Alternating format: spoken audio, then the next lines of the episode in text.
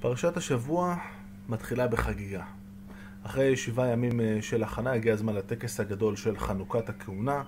כל העם מתכנס, אהרון ובניו אה, מקריבים אה, קורבנות והכל הולך אחלה. יוצאת אש שאוכלת את הקורבנות ואפשר ממש לשמוע את הנחת הרווחה של העם. אולי סוף סוף, אחרי הקטסטרופה הקודמת של עגל הזהב, עכשיו ההדורים יושרו ונראה שהכל עכשיו יהיה בסדר. אבל בדיוק אז, אה, כשנדמה היה שהכל הולך אה, כמו שצריך, אה, אנחנו מגיעים לקטסטרופה הבאה בתור, כששני בניו של אהרון, נדב ואביהו, מחליטים על דעת עצמם לעשות משהו שלא היה כלול בפרוטוקול של הטקס. אולי האופוריה שהקיפה את אותם ואת העם באותו רגע ככה השתלטה עליהם, ואולי הם חשבו שככה אפשר ובסדר לעשות. על כל פנים, ויקחו בני אהרון נדב ואביהו איש מחתתו, מחתה זה, תדמיינו, מחבת בגדול, ויתנו בהן אש וישימו עליה קטורת, ויקריבו לפני אדוני אש זרה, אשר לא ציווה אותם. ותצא אש מלפני אדוני ותאכל אותם וימותו לפני אדוני. זאת אומרת, אם היינו תחת הרושם אה, ש... שאוקיי, ההדורים יושרו ועכשיו הכל בסדר ואפשר לעשות בגדול מה שרוצים, אה, בא אלוהים ומבהיר שאצלו הסיפור הזה לא עובד ככה. אה, ומשה מיד אומר לאהרון את המשפט הבא, ויאמר משה לאהרון, הוא אשר דיבר אדוני לאמור, בקרובי אקדש, ועל פני כל העם אכבד, וידום אהרון. יש לנו כאן בפעם הראשונה את הצירוף של אה, קדושה ואלוהים וקרובה ועם ישראל, הקונספט שבהמשך יהיה קידוש אה, השם, אה, וזה אף פעם לא נגמר טוב מצד המאמינים. אפשר לאור האירוע הזה קודם כל להבין למה תורת כהנים, כמו שראינו בשבועות שעברו, למה תורת כל המצוות האלה שקשורות בכהנים ומה עושים, הכל יורד לפר, לפרטי הפרטים הכי קטנים בצורה די קיצונית, אה, כנראה שהאירוע הזה הוא חלק, מה, חלק מהסיבה.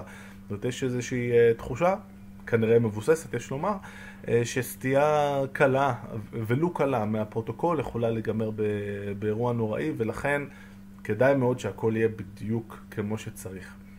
אני חושב שגם אם בני ישראל ככה עושים איזה, אחרי האירוע הזה, מין, אוקיי, מה אנחנו יודעים בינתיים על האלוהים הזה שאנחנו צריכים לעבוד אותו?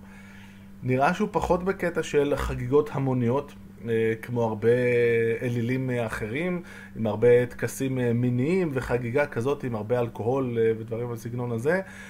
נראה שהוא לוקח את הדברים די ברצינות, וכנראה שלא כדאי להתעסק איתו. אוקיי, זה אלה פחות או יותר הדברים שאנחנו, שעם ישראל יודע להגיד מחשב על אלוהים, וזו תפיסה שכנראה די נמשכת בהמשך המחשבה היהודית. מעניין גם להנגיד את זה למה שקורה בחסידות. אוקיי, החסידות שזו תנועה אה, שמתחילה, זאת אומרת, היא די חדשה ביהדות בסופו של דבר, אה, מתחילה לפני כמה מאות אה, שנים. יש את הסיפורים שכולנו מכירים לפחות אחד כזה, על איזשהו נער שלא יודע קרוא וכתוב, כל מה שהוא יודע זה לראות צאן, והוא מגיע ביום כיפור לבית כנסת, וכולם מתפללים, ו... ו...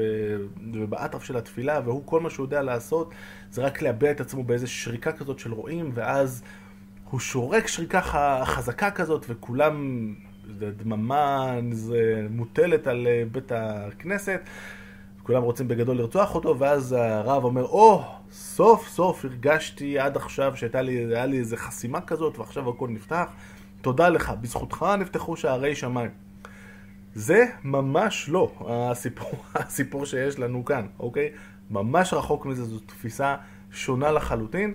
אה, ולא סתם המתנגדים, או מבחינתם החבר'ה הרגילים ולא החסידים המשוגעים, אה, השתמשו הרבה בפרשה הזאת ובמושגים שיש בה של אש זרה כשהם אה, ביקרו את התופעה של החסידות.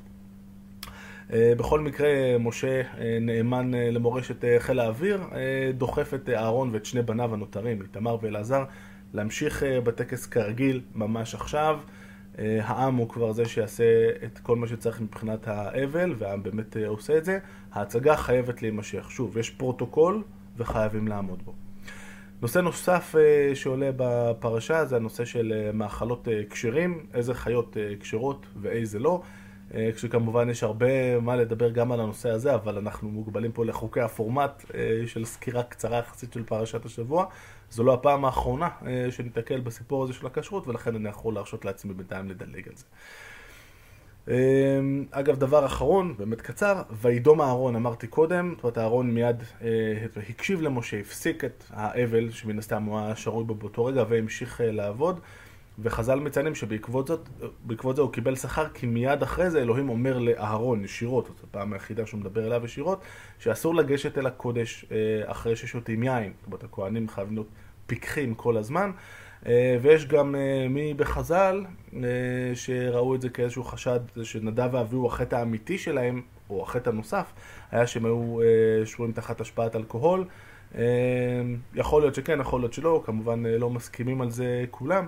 אבל uh, בכל מקרה, כמו שאמרנו, אלוהים הוא לא האל uh, קרחנה של המזרח התיכון, שכולם למדו להכיר קודם, האלים הכיפים האלה. אלוהים שלנו עובד אחרת לגמרי, וזה כנראה המסר העיקרי של הפרשה. עד כאן, שבת שלום.